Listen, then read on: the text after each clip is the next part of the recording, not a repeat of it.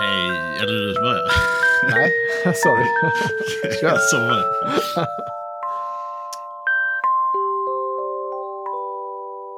Hej och välkomna till Boktokiga Podcast med tre stycken bokfantaster där en av oss aldrig hört talas om Coffee Dance tidigare. Hejo! Ja, det stämmer bra det. Vad har du sett i ditt försvar Sebbe? Jag vet fortfarande inte riktigt vad det är. Men ehm, Nej, det är bara en riktigt bra låt. Nej, men det är, alltså, det är sjukt. Är du aldrig inne på 9gag eller liksom något sånt? Internet. 4chan? nej, jag, jag läser böcker. För någon Ja. ska ju göra det. Ja, så det- att vi har content i den här podden. Ja, det är bra gör det. Men hörni, eh, avsnitt 10 idag. Ja, jubileum. Härligt. Ja. Nästan att vi klarade 12 avsnitt på ett år. Det är inte så illa. Nej, och, och det blir väl också årets sista avsnitt, eh, känns det som. Ja, definitivt. Däremot så finns det väl mycket, mycket innehåll till ett par avsnitt i början på nästa år. Så det, det blir kul. Vi kommer väl ha någon, tänker jag, eh, Book of the Year eh, sammanfattning och sådär kan jag tänka mig i, i nästa år. Så det blir ju Det härligt. ha. För Mm. alla våra tio fans. Ehm, Mm. Du, nu ska vi inte vara sådana. Det är ett gott gäng här nu. In på Facebook, där är det härliga diskussioner bland de tio. Det har ju exploderat, får man ändå säga, våra sociala medier. Har det ju det. Ehm, så att det är hetska diskussioner. Så att det, det är jättekul. Ehm, Men- Och idag ska vi ha kul också, såklart. Mm. Ehm, det har inte gått så länge sedan vi spelade in sist, så att det blir väl kanske lite färre böcker än senast. Ehm, Otroligt tight deadline den här gången. Det var tufft att hinna, men det gick.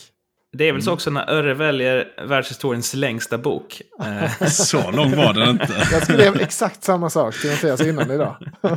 Nej, inte, inte så lång. Men ehm, mitt problem var att jag fastnade. Jag spelade ju tv-spel de första två veckorna. Och sen så kom jag på att just det, vi har ju det här. Mm. Ehm, Mm. så då blev det lite tight. Men eh, vi har väl alla hunnit igenom den, förutsätter jag. Ja. Jajamän. Det är väl nå- på något sätt eh, grunden i den här podden. Så det vore väl eh, skämmigt av oss om vi inte läser ut Verkligen. månadens bok. Nej, så är det, så är det ju absolut. Det har ju hänt en, en del sen sist också faktiskt. Jag tänker vi kan börja prata om det lite inledningsvis här. Det har ju varit, åtminstone för dig och mig Anton, är väl kanske den största awards när det gäller böcker. Goodreads Choice Awards. Som har kommit nu sen senast. Absolut. Det brukar jag följa med spänning. Just i år har jag lite sämre koll dock. Men Jag vill har gärna- lite bättre koll än Ja. vanligt jag. Jag var faktiskt inne och tänkte så här, jag behöver lite boktips eh, nu. Eh, jag ska ut och resa så jag tänkte jag behöver ladda upp med lite böcker. Så tänkte jag, ah, kan jag gå in på Goodreads och kolla vad som finns där inne. Jag har ju, brukar inte vara där så mycket. Eh, Så gick jag in och så klickade in på den här eh, fliken då med eh, biografier. Och så såg jag vilken bok som hade vunnit där och då stängde jag ner appen direkt, direkt och loggade ut. Oj, Med tanke på att den som hade vunnit inte var en biografi. här var det Carrie Carrie Soto. Soto. Oh, yes! Så Fan tänkte vilket jag bara att det är Antons, det är Antons fanbase crowd som är inne här och håller på att dumma sig. Nej, men så här är det väl att... ehm, att Goodreads Choice Awards, eller vad den heter, Goodread, ja, Goodreads Choice Awards, det är ju alla läsare då på Goodreads. Man får... eh, det finns ett par nominerade böcker, sen får man helt enkelt rösta på den man tyckte om. Så det är ju läsarnas pris då snarare än som de flesta priserna är ju någon form av jury som utser. Och det är inte alltid som de kanske är i takt med ehm, läsarna, TikTok. den gem- gemene man så att säga. Ehm, och, och det, sen så är det förstås så att eh, vissa då, författare som har väldigt stor fanbase, de vinner ju varje år oavsett vilken skit de får ur sig. Och en av sådana är ju Sarah J. Maas. Liksom. Hon har kunnat skita på en, eh, liksom på en sida. ehm, och hade antagligen ändå vunnit de här priserna. Så man får ju ta det lite eh, så, med en nypa salt.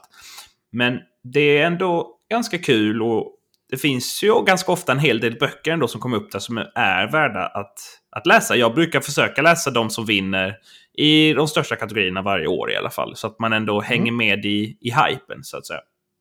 Ja, men Eh. absolut. Det brukar vara mycket som lockar där. Eh, Men det är ju, precis som du säger, så är det ju väldigt obajsnördiga listor. Men det, det, tyvärr väger de över lite för hårt på de mest populära. Mm. Men eh, det är ändå kul att, att höra vad du har till mig. Nej, men där kan vi ju säga att bland annat då bästa historical fiction eh, 2022. Det är Carrie Soto is back. Taylor Jenkins Reid. Och den har vi ju läst. eh, Och älskat. välförtjänt. Ett skämt att den är med på historical fiction. ja, Det är, ja. Ja, men det är fiction ändå. His-. Det, det, det är väl rimligt. Men det, det har ju varit mycket hype eh, på Facebookgruppen om eh, Carrie Soto. Så det, Mm. mina föräldrar var väldigt ledsna att den inte fanns på, på Nextory eller något sånt där än. Men de var väldigt Finns sugna på den. Audible. Ja, just det. Men det kommer, det kommer. Tips Det till kommer.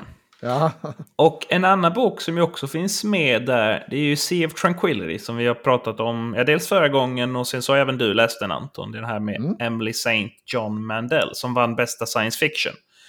Jajamän. och sen bästa memoar och autobiografi i den här I'm glad my mom died som du ju pratade om Mhm, senast. just Anton. Den också. borde ni läsa. Den, den var väldigt lättläst. Kort och koncis. Så, så att det är lite, ja, men lite blandat. Så en hel Mm. del böcker som jag faktiskt tänker att jag hade velat läsa. Och jag kan ju faktiskt nämna att jag hade, jag hade tänkt välja den som vann årets fiction eh, till nästa månads bok. Men eh, Alltså Örre. Örre sabbade det för att han hade inte tillräckligt många creds då på sin audible och han måste få tag på den till eh, i Alltså, det, det är helt orimligt. Alltså, jag måste berätta detta. Jag har Audibles eh, till lyssnarböcker då. Eh, och det fungerar som så att du betalar ett månadspris och så får du tillgång till ett utbud som är så här normalutbudet. Sen får du sådana credits också som du kan köpa böcker för. Eh, och de lite så här nyare böckerna som den då och några andra böcker, de är Ja, de, de kostar credits då. Mm. Så jag hade en credit eh, och sen så var det en bok som jag kände så här att den vill jag läsa. Jag vill, jag vill försöka få in den innan podden nu också. Då kostade den en credit. Och sen så när jag snackade med Sebbe, för jag, grejen är att vi, vi brukar inte avslöja böckerna för varandra, men i och med att jag ska resa iväg direkt så, vi, så behövde jag ha reda på det tidigare i, i den här podden. Då. Mm. Eh, och så säger jag då att ja, den finns på Audible, så det kostar en credit. Och så tänker jag så, ja men perfekt, då har jag den där. Så jag sa att det är okej till Sebbe. Sen eh, köper jag den andra boken med min eh, credit. Och sen så när jag ska gå in då och köpa den boken igår natt, typ klockan ett, skrev jag till Sebbe. Så har jag inte fler credits på kontot, så tänker jag då får man fylla på det. Nej, det, går då inte att fylla på credits, utan du får bara en credit i månaden. Ja, det är helt sjukt. Du får bara en credit i månaden när du subscriber och du kan inte fylla på credits på något annat sätt. Så jag höll på att googla där och Men var kan man inte hemsidan. köpa en ljudbok utanför månadsprenumerationen? Men är Låter som en riktigt dålig affärsidé, får Ja. jag säga faktiskt. Ja, ja. Alltså när man som kund vill betala pengar och så bara så, nej det får du inte göra. Men jag tror det är så för att eh, du, du får ju dem liksom till rabatterat pris. För att om du köper dem med en credit Mhm. så får du ju den för alltid i din bookshelf. Både som lyssnarbok och som, eh, så att du kan läsa den. Eh, och det kostar ju typ 110 spänn i månaden och du får en credit varje månad. Så det blir ju billigare än om man hade köpt den. För jag var inne och kollade på andra sidor också, där är det ju dyrare. Så det är väl det som är grejen, att annars hade man kunnat abusa systemet och köpa credits och köpa böckerna där istället. Så det är väl något i den stilen. Fattar. Ja, Men ja, det var ju ja. synd, för den boken vill jag jätte, jättegärna läsa då. Sa du vilken Mm. det var Sebbe? Nej, men jag tänkte säga det nu. Och det är då Tomorrow and Tomorrow and Tomorrow av Gabrielle Sevin. Som jag tror hade varit ett riktigt eh, superval. Eh, lite tråkigt då eftersom den då har vunnit det här priset. Så hade ju, det hade inte reflekterat kanske min goda smak. Men eh, den ska ju läsas. Så vi får Ja, se. jag, tänk, jag tänkte nog läsa den ändå då, i så fall till nästa avsnitt om vi ska köra årets böcker nästa. För det här Mm. känns ju som en kandidat man behöver ha spanat in. Det Ja. handlar ju lite om Jag kommer nog tv-spel inte också. läsa den till nästa. Nästa. Ja, nej. Men, nej, men vi behöver ju inte... all- du har väl varit en annan då Sebbe, antar jag? Det har jag. Det Men sparar den- vi väl lite. Det sparar vi. ja. Det Jo, jo, jo, jo. Men då kan man ju läsa den här på, på sin fritid, så att säga. Absolut, så är det ju. Så. Men nu Nej, får, men- du, nu får du hålla dig till körschemat, Anton. Du ska ja, alltid hålla på sorry. så här. Det verkar faktiskt eh, ganska så nice. Jag hade också velat läsa den, men jag, jag är ju blockad fram till den 23 januari. Då köpa den med credit där. Och jag kommer ju vara bortrest då, så jag kan inte köpa den på annat vis. Annars hade jag klickat hem den tidigare. Ja, förstår. nej, men, Nej, men jag har en annan eh, eh, bra bok, tror jag. Men det tar vi sen. ja. Får jag Vilket säga en annan... Nobelpriset från?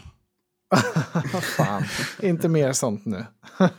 Får jag säga en annan sak om årets bokvinnaren här då i fiktion på Goodreads? Gärna. Fred, Fredrik Backman brukar ju vara en favorit där och jag ser att han eh, kom trea i år i omröstningen. Med hans eh, bok då Vinnarna, eller del tre i Björn, Björnstad. Eh, Som jag älskade också, mycket värdigt. Eh, men det är Skulle ju vi ta årets böcker nu? Eller det var, Nej, Nej, det var var nästa bara- avsnitt? Alltså, Nej, nästa nästa avsnitt är avsnitt. våra, Okej, ja. årets våra böcker då. Nej, okej. Mm. Jag tror nog dock att den här släpptes kanske 2021 i Sverige. Så den, jag räknar inte riktigt in den då. Men den engelska versionen kom med nu på Goodreads. Men Fre- Fredrik Backman brukar komma högt på just Ja, Goodreads. ja. Han har ju också ett stort eh, läsarfölje får man ju säga. Men det som är intress- intressant med den här Tomorrow and Tomorrow and Tomorrow det är att den hade ju 90 000 röster medan den som kom två hade 54 000. Så det var ju en grand slam får man ju säga. Mm. Och det här, den här Gabrielle Sevin, det är ingen jag har hört talas om innan. Ehm, Inte jag heller. och, och det Nej, behöver inte kul. betyda att, att eh, hon inte är känd. Men det är ju inte en av de här... Det finns ju en av typ Sarah J. Maas eller kanske eh, hon som har läst, skrivit in favoritbok. eh, Den... eh, This Carrie is how it ends, eller vad, vad fan den nu hette. Ja, Carrie Soto, hon, hon vinner ju. Ja. Det är också typ en sån författare som nästan alltid vinner. Mm. Och så har vi ju hon som har skrivit den... ehm, Colleen Hoover. Colleen Hoover, ja. Alltså de här TikTok-författarna vinner ju också väldigt enkelt. Mm. Medan det finns andra som man tänker borde vinna, som också är otroligt populära i sin genre. Typ eh, Brandon Sanderson. Mm. Men han, han vinner aldrig för att där har vi då exempelvis Sarah J. Maas som ju är otroligt populär. Liksom. Det spelar ingen roll vad hon skriver, hon vinner ändå. Det verkar eh, mycket positivt i henne. Jag har ju faktiskt recenserat en av, en av hennes böcker för inte så länge sedan och jag har nog aldrig varit så kritisk mot någon bok ehm, som Nej, den. det ska ju sägas dock att vi älskar ju en, en av hennes böcker tycker vi ju båda är otroligt bra. Eh, Absolut. Så hon Ja. har ju kvaliteter, men det, kan, det är kanske lite mycket nu av samma vara. Nej, det är bara det hon har gått från att skriva fantasy till att skriva porr. Ja, Eh, Och det är väl det jag vänder mig emot lite grann. Ja, Eh, så är det. Men okej, Därav de höga ratingsen. Sex säljer. lite så är det ju. Men ska vi kanske prata lite grann om vad vi har läst sen sist? Mm. Mm, gärna det. Hur många har ni? Anton? Tre. Sebbe? Ja, Jag har också bara tre, inklusive Oh, månadsbok. haha. Alltså, det är riktigt, det har varit ett riktigt dålig månad för mig. Och jag har som vanligt tre. Ja, det är, det är perfekt då. är vi, det är första gången vi är på jämna, jämn nivå. Mm. Eh, är- Anton, du ser sugen ut på att börja. Mm. Jag kan ta ton direkt här då. Med en gentleman i Moskva. Eller, nej, jag skojar. Eh, jag har läst ännu en sån här TikTok-bok som du beskyller mig för att läsa Sebbe. Eh, så jag står kvar i det, trampar i det träsket. För det är Book Lovers av Emily Henry. Hon är också en sån favorit som ofta dyker upp i Goodreads-omröstningarna. Jag tyckte jag såg den idag på Goodreads också när jag var inne och kollade på någon awards-skit. Den, den vann ju Romance. Så Just det. Mm. Ja, för det, jag har läst en bok av eh, Emily Henry tidigare som heter Sommarsemester eller Sommarmöten eller vad den hette. Som jag inte gillade alls. Och hon skriver sådana här ja, men lättlästa romansberättelser. Men den här heter ju då Book Lovers, så den, man tänker att det borde handla mer om böcker. Och det intresserar ju mycket mer då. Till exempel den här Midnattsbiblioteket som kom förra Mm. året, när det var, älskade jag ju. Så jag tänkte, ja men det finns en chans att det är något åt det hållet. Och premissen är att alltså, det börjar som en parodi på en storstadstjej som eh, åker ut till landet och blir kär. Så som det är i alla filmer, säger de. Och så ska de liksom göra det på låtsas, en tjej och hennes syster. Eh, så då skriver de upp alla sådana töntiga grejer som händer i filmer och så ska de ut på landet och de ska rädda en bokaffär där och så ska de träffa killar och ja, Det låter jättebra. det låter väl eh, helt okej. Och så fattar man ju exakt vad som kommer hända då. Kan det vara så att de träffar någon kille och blir kära på riktigt, det som de skulle skoja om? Jag ska inte spoila, kanske att det kan vara så, vem vet. Men eh, det handlar också rätt så mycket för den här tjejen då arbetar som förläggare. Och det är rätt mycket fokus på hur hon har sin kontakt med författare. Och hon bollar med sina olika författare och de har olika neuroser och är olika svåra att hantera. Och de bitarna tyckte jag var jätteintressanta. De var välskrivna, spännande, gav mycket så här, jaha, ja så kanske det kan vara. Det var väldigt intressant.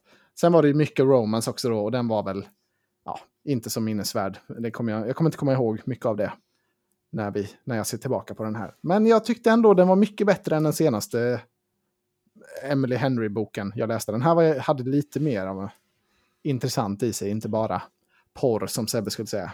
Mm. Ja, alltså, jag har aldrig hört talas om Emily Henry innan. Men Mm. jag läser inte så mycket i den genren. Däremot så slår det mig när jag tittar då på Goodreads Awards Mm. att hon har... eh, Hennes bok har ju tre gånger så mycket röster som den som kom tvåa som heter Reminders of Him av Colleen Hoover som är ju en annan då. TikTok-författare. Och den Ja. tyckte jag ju var svinbra.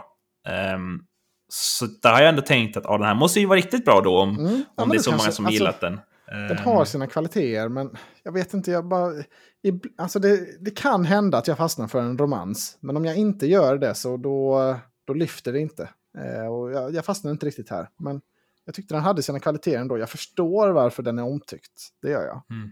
Eh, bättre än liksom någon slags eh, bottenslask här med romanser som jag har varit inne på tidigare. Men är det klassisk så här, chick-lit liksom? Eller är det... Ja, det skulle jag säga. Det, och så får man då lite den här, mer den här aspekten då. Men de gillar böcker, det handlar mycket om författare. Det är mycket, eller mycket och mycket. Det är en del om det också. Mm. Det, var, det var trevligt. Inte så tung läsning, eh, känns det som. Nej, nej. Väldigt enkel att, att breeza igenom. Inte så lång heller.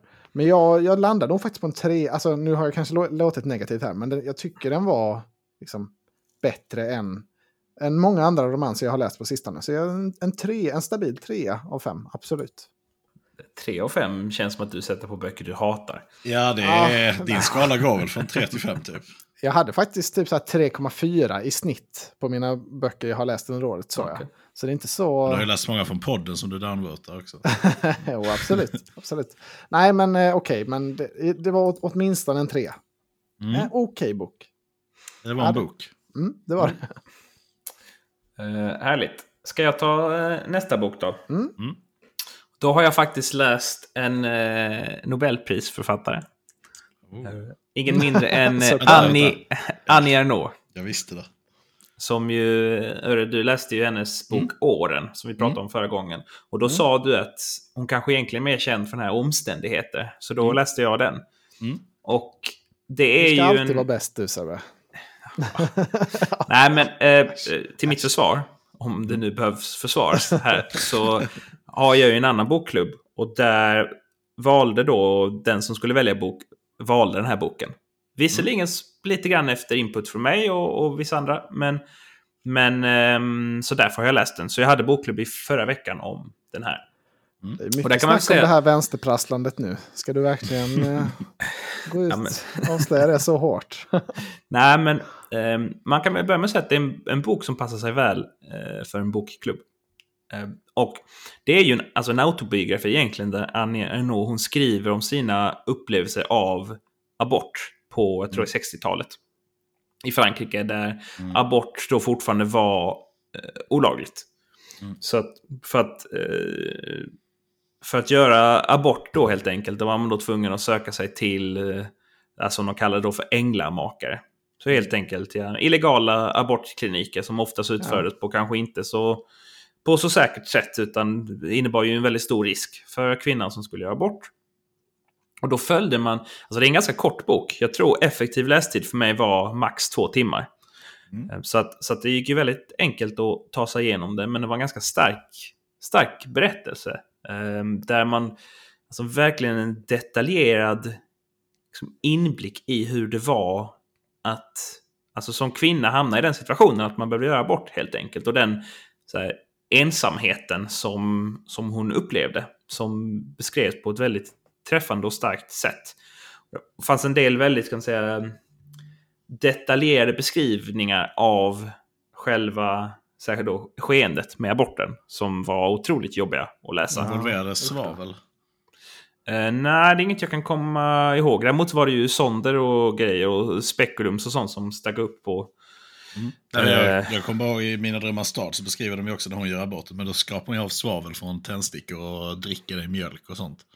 Mm, det, det har jag nog inte läst än, så det är nog en spoiler. Men... Eh, Men det är Ja. första boken.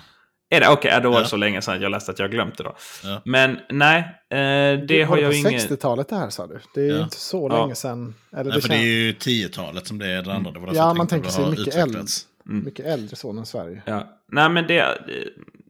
Jag tycker absolut den är läsvärd. För att vara en eh, Nobelprisförfattarbok så var den ju väldigt... Den väldigt enkel.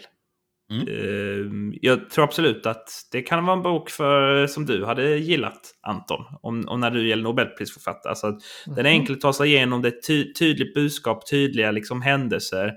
Inte för mycket liksom blaj. Utan den var väldigt kort och koncis. Och, och behandlar ju ett otroligt viktigt ämne som dessutom känns kan man säga, mer och mer aktuellt nästan för varje dag som går.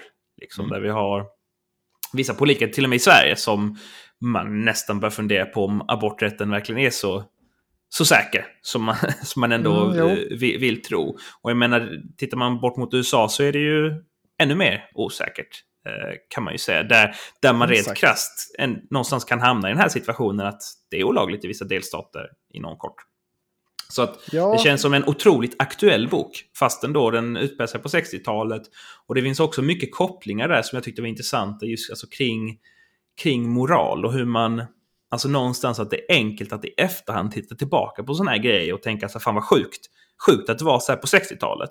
Mm. Samtidigt som det pågår saker här och nu som man någonstans kan fundera på om 30 år. Hur kommer vi tänka kring det här då? Där, där hon, eh, Anna Ernaux, hon gör liknelser till, alltså, till liksom flykting, flyktingvågor och, och liksom, eh, folk som tar sig över på, på plastbåtar i, över Medelhavet och, och dör och så här. Alltså någonstans ändå där finns, det finns ett säkert sätt att göra det här på. Men det är inte tillåtet och därför måste man utsätta sig för väldigt stora risker. Ehm, och ja, det tyckte jag var väldigt intressant. Så att, eh, Ja, det var ju en- synd att vi inte hade valt den här som, som eh, till vår bokklubb då. Det låter ju intressant. Eh, nej, alltså hur gammal är den här boken? Är den liksom rätt Kom ny? den inte eller? typ i början på 2010 eller 2007 eller sånt? jag ska, Ja. Jag för mig, alltså den andra som jag läste, The Years, eh, jag tror den kom 2006 eller 2007. Och den här, alltså den har ju också aborten, alltså den är ju... 2000 kommer den. Så tidigt, ja, okej. För det, det känns ju som att The Years är ju en utvecklad variant av den här boken. För att den är ju längre och den pratar ju, den är också typ auto, eh, autobiografiaktig. Och den behandlar ju samma ämne fast den går vidare sen då med att växa upp som kvinna och ensamstående kvinna och så. Ja, det var ehm, ja, men en intressant bok och det...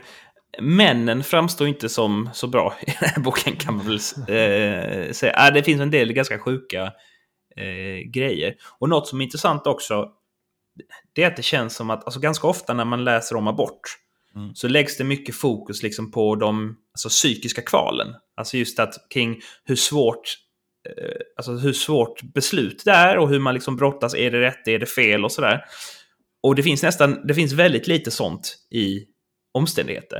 Mm. För det är liksom hon, hon är övertygad att det är det som ska göras. Utan istället så är fokusen på liksom allt det här andra. Just den, så här, den väldigt fysiska delen och liksom hur samhället reagerar på personen då som, som gör det. Vilket kanske är en aspekt som inte alltid belyses lika tydligt som kanske mer den här då ska man säga personmoraliska aspekter kring ska jag verkligen göra det här? Är det rätt? Är det fel? Eh, och så vidare. Men det är väl kanske så också att sam samhällets syn, eller vad man ska säga, gör att det blir ett självklart val, eller vad man ska säga. Mm. Alltså jag upplever lite som att hon liksom hade, alltså det var antingen så gör jag detta nu och det ska jag göra. Eller så kommer jag typ inte kunna leva i samhället. Mm. För att jag kommer bli en outcast på alla sätt och vis. Mm. Eh, och då blir väl kanske valet lite enklare på det sättet. Men alltså när man har mer fritt val så blir det mer eh, moraliskt på annat sätt. Mm. Mm. Ja, äh, men... Eh, du sålde in den bra. Läsvärd bok, tycker jag. Mm. Den eh, ligger på min eh, to read-list.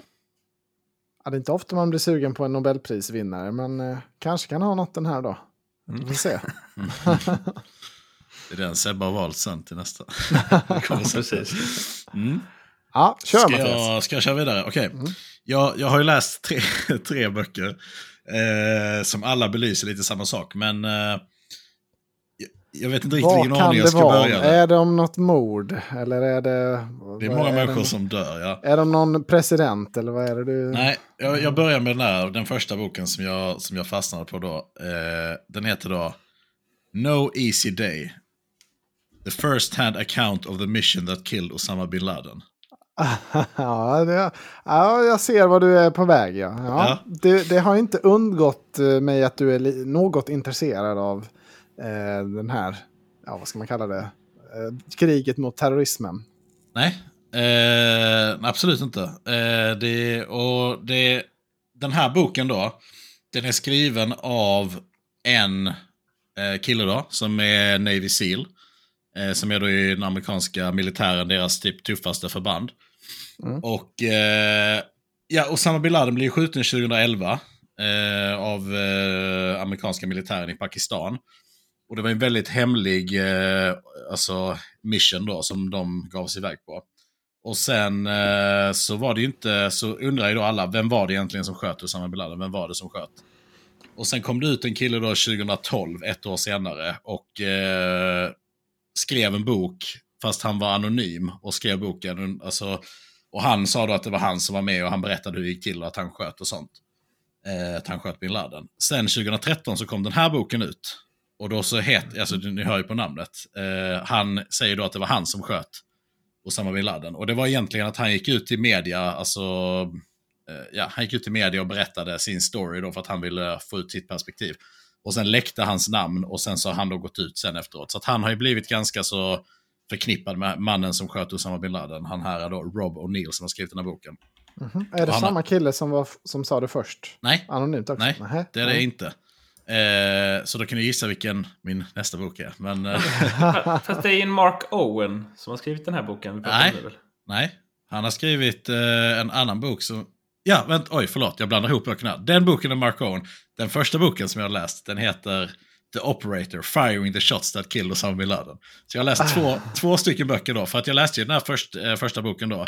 Och då blir man ju lite källkritisk och sånt här. För då finns det två stycken berättelser som claimar samma sak. Och då kände jag så här, jag måste ju läsa den andra boken också och jämföra berättelserna. Så jag har ju läst två böcker om samma ämne då. Jag tycker det är eh, sjukt att någon av dem ens får berätta den här storyn. Det är det alltså, de inte det... riktigt får. Nej. Eh, det är det som är också spännande. För att eh, de, och det tar de upp i den här boken, att de har ju väldigt mycket så här codes att man får inte berätta och de skulle inte berätta det. Och de sa ju själva att när, de, när Obama frågade vem var det som, som sköt bin Laden, när de träffade det här teamet på 24 personer, så vägrade de berätta. Så de ville inte berätta själva. Eh, enligt bådas eh, versioner då. Men sen så läckte det så otroligt mycket till pressen. Alltså att det var det teamet som hade gjort det och några av de personerna som hade varit med och hur det hade gått till och sånt. Så att nästan allting eh, läckte och det var så mycket information. Och sen så gjorde de den här filmen som heter Zero Dark 30. Som mm. i princip berättar hela berättelsen också. Och där spelas ju, alltså där är det ju personer som spelar de här olika i SEAL-teamet. Så att den här första killen, han var lite så här varför ska politiker och andra höga militärer och chefer läcka ut berättelsen och ta credit och sälja det för massa pengar och massa rättigheter när det inte var de som gjorde det utan det var vi och vi sitter här med tystnadsplikt och får inte säga någonting. Så det var därför han gick ut och, och släppte sin bok och han, han fick 6,8 miljoner dollar i sin bookdeal. Mm. Eh, men den militären har ju gått in och det är fortfarande en pågående rättegång mot honom. För de menar att han har läckt eh, försvarshemligheter och att han ska då åtalas för detta. Och han hade satt upp en foundation att han skulle donera de här pengarna till då skadade veteraner. Men de har eh, beslagtagit alla de här pengarna från Mark Owen då, som egentligen heter Matt Bissonette. Mm. Ja, det kan man ju lite, eller ja, det känns ju som att han är ute lite på tveksamma. Mm. Men den andra killen då, han som har skrivit då, nu tar jag båda mina böcker samtidigt, mm, ja, ja, han som har skrivit eh, den här boken då som heter eh, eh The Operator, Firing the Shots That Kill Osama Bin Laden. Han skickade in sin bok för reviewing först till militären. Så att de har reviewat den boken innan han släppte ut den. Så att många saker är liksom blipade i boken när man läser det. Till exempel namn på platser och olika teams och sånt. Det eh, låter ju som att den är sämre då. Spontant. Eh, men det, det kanske det, inte är. Den är inte... Alltså grejen är att den boken, han då... För att enligt då källor, jag har gjort mycket research här och de... de eh, så är det fyra stycken andra som har gått ut och bekräftat att det var han, eh, Robo Neil, som var den som var skytten. Eh, och i hans bok då så är det bara han som skjuter först då. Alltså när de går in och ska ta själva skottet då. Så mm. är det bara han. Medan i den andra killen som han då, eh, eh, Mark Owen, Matt Bissonette, har skrivit. Då så menar han att de är tre stycken som går in. Och att alla skjuter. Så att han säger inte att han var den, den ensamma som tog skotten. Och sen senare så har han då gått ut och sagt att ja, han andra var med också.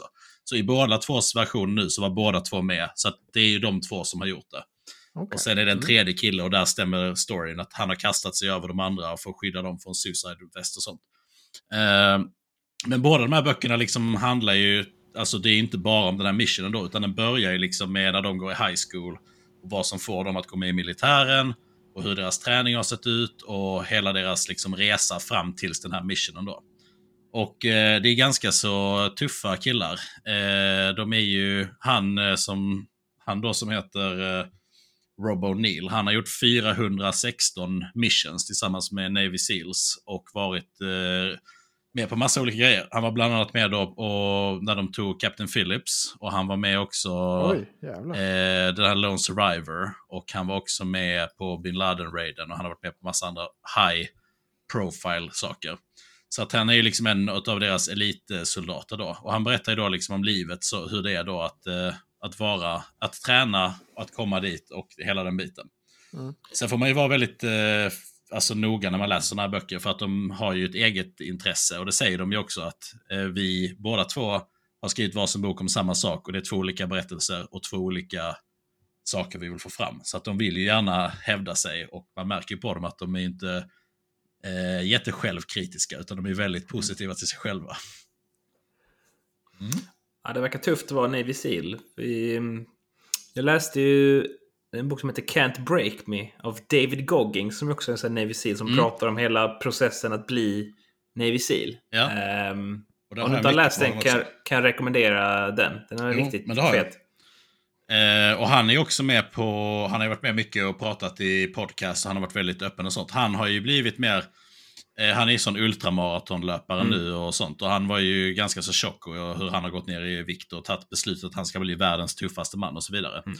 Och jag blev lite så, för jag visste ju Goggins sen tidigare. Eh, så jag blev lite så här, hmm, nu, nu när man liksom har satt sig in i den här världen så är det ju, de är ju inte jättemånga som är de här elit eh, till Team Mm. 6-folket. Så då tänkte jag så här, undrar vad han har gjort liksom. Vad har, hur ser Goggins militärkarriär ut? Eh, och han har inte så mycket militärkarriär.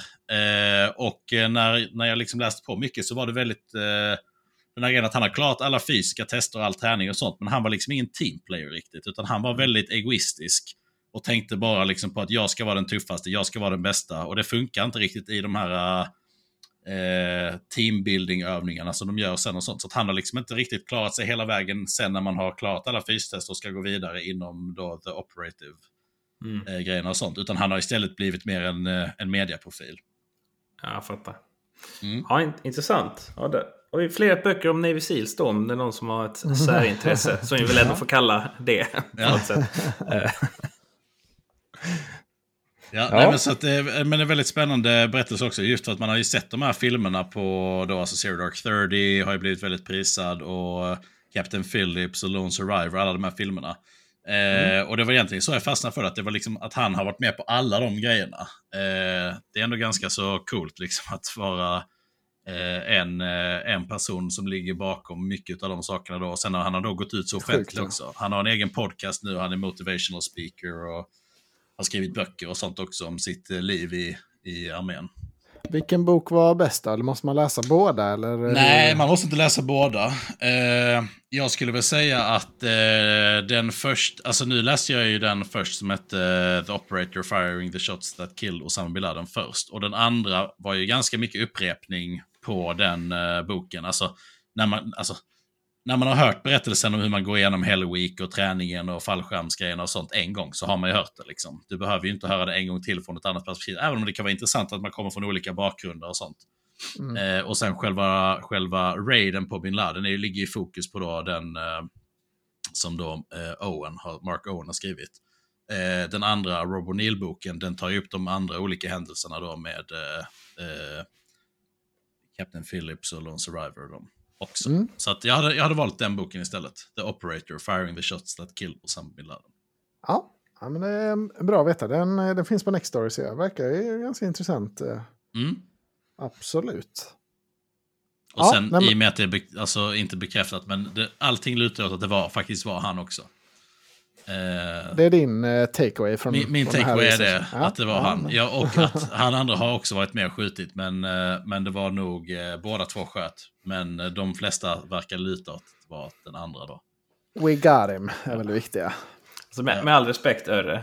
Men Ja. jag känner lite grann så att, vem fan bryr sig om exakt vem det var som sk- Eller jag tänker så här, ja du gör men- ju uppenbarligen det, men för mig är det otroligt ointressant vilken faktisk person det var som...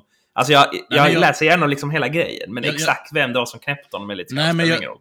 Mm, Nej, men både och. För att det som är spännande med vem som gjorde det var ju att det är den personen som får så otroligt mycket credit om man tittar på status i media och sånt. För att jag menar, han, eh, han fick ju sjukt mycket status i början med Matt Bissonette och blev, var ju med på 60 minutes och allt sånt. Men sen när han släppte sin bok efter det och det blev mer konfirmerat till honom så har ju den andra killen mer eller mindre försvunnit helt och alla är så här, mm. nej nej, han var lögnare och sånt. Det är nu det han är som gäller. Och sen har han ju liksom mm. i sju års tid, han har ju varit med på alltså, jättemånga kända sammanhang och eh, sånt. Eh, var, mm. Träffat presidenten och sånt. Bara för att vara, och det liksom talar lite att när de träffade teamet då, som de säger, att den första frågan som Obama ställde var, vem var det som sköt? Mm. Alltså att eh, ja. det, är liksom, det är en heder och prestige i det. Och det mm. berättar ju han också, eh, Rob O'Neill, att han som sköt skottet mot Captain Phillips, han eh, sa det att efter han hade tagit det skottet så var det liksom att hela Navy Seals-grejen var en sån brotherhood och alla var lika och det var ett team, verkligen, man gjorde allting för laget. Men efter han tog det skottet så blev de andra, de gillade inte honom riktigt i laget för att han stack ut. För det var så, alla ville egentligen, du, du kan ju tänka dig hur alltså, tävlingsinriktade alla de här killarna är egentligen. Och alla de ja. var ju avundsjuka då på att det var honom just då. Och när han då har skjutit i sin bok då, när han har skjutit bin Laden, så säger alla andra typ så, typ så, your life is gonna change forever now och sånt till honom och kommer fram. Och sen så kommer ju han, Captain Phillips, eh, snubben och säger typ så, eh, inte till det bättre, utan det här kommer förstöra din militära karriär typ. För att det är jobbigt att vara en person som har gjort någonting så som sticker ut. Jaha, mm. ja, spännande. Mm. Eh, mycket intressant. Du hade en tredje bok också, men den får du mm, spara lite på då. Mm. Jag har läst en fantasy har jag hunnit med sen mm. senaste avsnittet. Och det är uh, The Lost Metal av Brandon Sanderson. Uh, min husgud inom fantasy. Uh, och det här är sjunde delen i hans svit om Mistborn. han har ju ett väldigt stort pågående universum kan man säga. Lite liknande Marvels serietidningsfilmer. Så håller han på med ett ett gäng böcker som eh, alla knyts samman i samma universum. Och nu har han kommit rätt så långt i det. Eh, så det här är då del sju i en serie som, som dessutom är en del av ett ännu större sammanhang. Så det, det, liksom, ja, det, börjar bli, det börjar bli mycket att hålla reda på i de här böckerna. Men, men hisspitchen är väl på något sätt att det är lite som en vilda västern-fantasy här där, där karaktärerna har lite, ja men, mer eller mindre superkrafter. Eh, jag vet inte hur mycket man ska gå in på det. Mistborn i sig är ju verkligen en, en favorit tycker jag. Har du läst den också Sebbe? Absolut. Jag har inte läst den sista. Det, men mm. det ska läsas snart. Det blir lite konstigt att komma med en rekommendation på bok nummer sju. Ja, men det, uh, det är ju det. Men det som Brandon Sanderson gör bäst är att han, han, är, han är otrolig på att hålla liksom, tempot uppe, ett bladvändande. Han är känd för att, speciellt att hans slut eh, alltid ja, men de, de brukar beskrivas som en lavin, att det kommer så mycket, det bara rasar på från alla håll så man kan inte sluta vända blad. Eh, och jag tycker också han är jättebra på att skriva karaktärer som man verkligen investerar i snabbt och älskar och känner jättemycket för. Och den här boken är lite lidande av att nu är det så långt in i, i det här universumet att nu är det så mycket hints och referenser och bollar liksom som ska sätta igång andra berättelser i rullning att kanske lite huvudberättelsen blir lite lidande, tyckte jag. Mm. Eh, så det här är inte, inte min favorit av hans böcker som han har skrivit. Eh, den, den peggar upp för mycket häftigt, men jag tycker kanske inte riktigt att den, den landar då just den här storylinen och de här karaktärerna mm. på det allra bästa sättet. Alltså Sanderson har skrivit bättre böcker. Eh, men ja, sen tyckte jag ju den såklart att den var jättebra. Det är ju min favoritförfattare. Och han, oh, hela hans... Jag kan säga en sista sak om Mistborn. Nej, förlåt, vad tänkte du säga Sebbe? Nej, jag skulle säga att jag håller med. Han är ju otroligt... Det är också min favoritförfattare, framförallt när det gäller fantasy. Och en, en grej som, är, som jag tycker är särskilt bra med honom, förutom de grejerna du har nämnt, det är ju att han är otroligt bra på att bygga upp magisystem som är så att säga, ja. realistiska och stringenta. Att, att det är, för det är lite olika typer av fantasy. Vissa fantasy har ju väldigt tydliga ramar kring vad kan man och vad kan man inte göra. så att säga. Hur fungerar magin? Och det mm. tycker jag så vill jag ha det. För att jag vill veta någonstans vilka, vilka möjligheter finns det helt enkelt. Mm. För, att, mm. Eh, för ibland i fantasy är det ju så, så att ja, man kan göra vad som helst.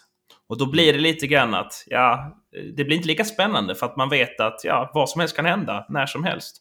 Uh, och då, okej okay, nu hamnar jag i, i ett problem. Nej, men då teleporterar jag mig bort Problem solved. Och riktigt så är det, brukar det inte vara med Det är lite mer gamla eh, skolan. Sanderson, utan han har, med, han har tydliga magisystem. Och just i Mistborn så har han ju något som heter Allomancy som typ bygger på alltså olika typer av metaller ger olika egenskaper. Helt enkelt. Och så kan man då på något sätt absorbera dem. Det är lite svårt att beskriva men det funkar otroligt bra. Det funkar ju... Um, Mistborn-serien är ju uppdelad i olika tidsepoker. Så den första delen som är kanske lite mer ska säga, medeltida fantasy. Mm. Um, där fungerar magin på ett sätt och sen så har han liksom kvar då samma system. Men så tillämpar han det då i en ny tidsålder som är det här med cowboy-tiden. Som fungerar, det fungerar otroligt bra faktiskt. Jag Ja. tycker det är väldigt imponerande.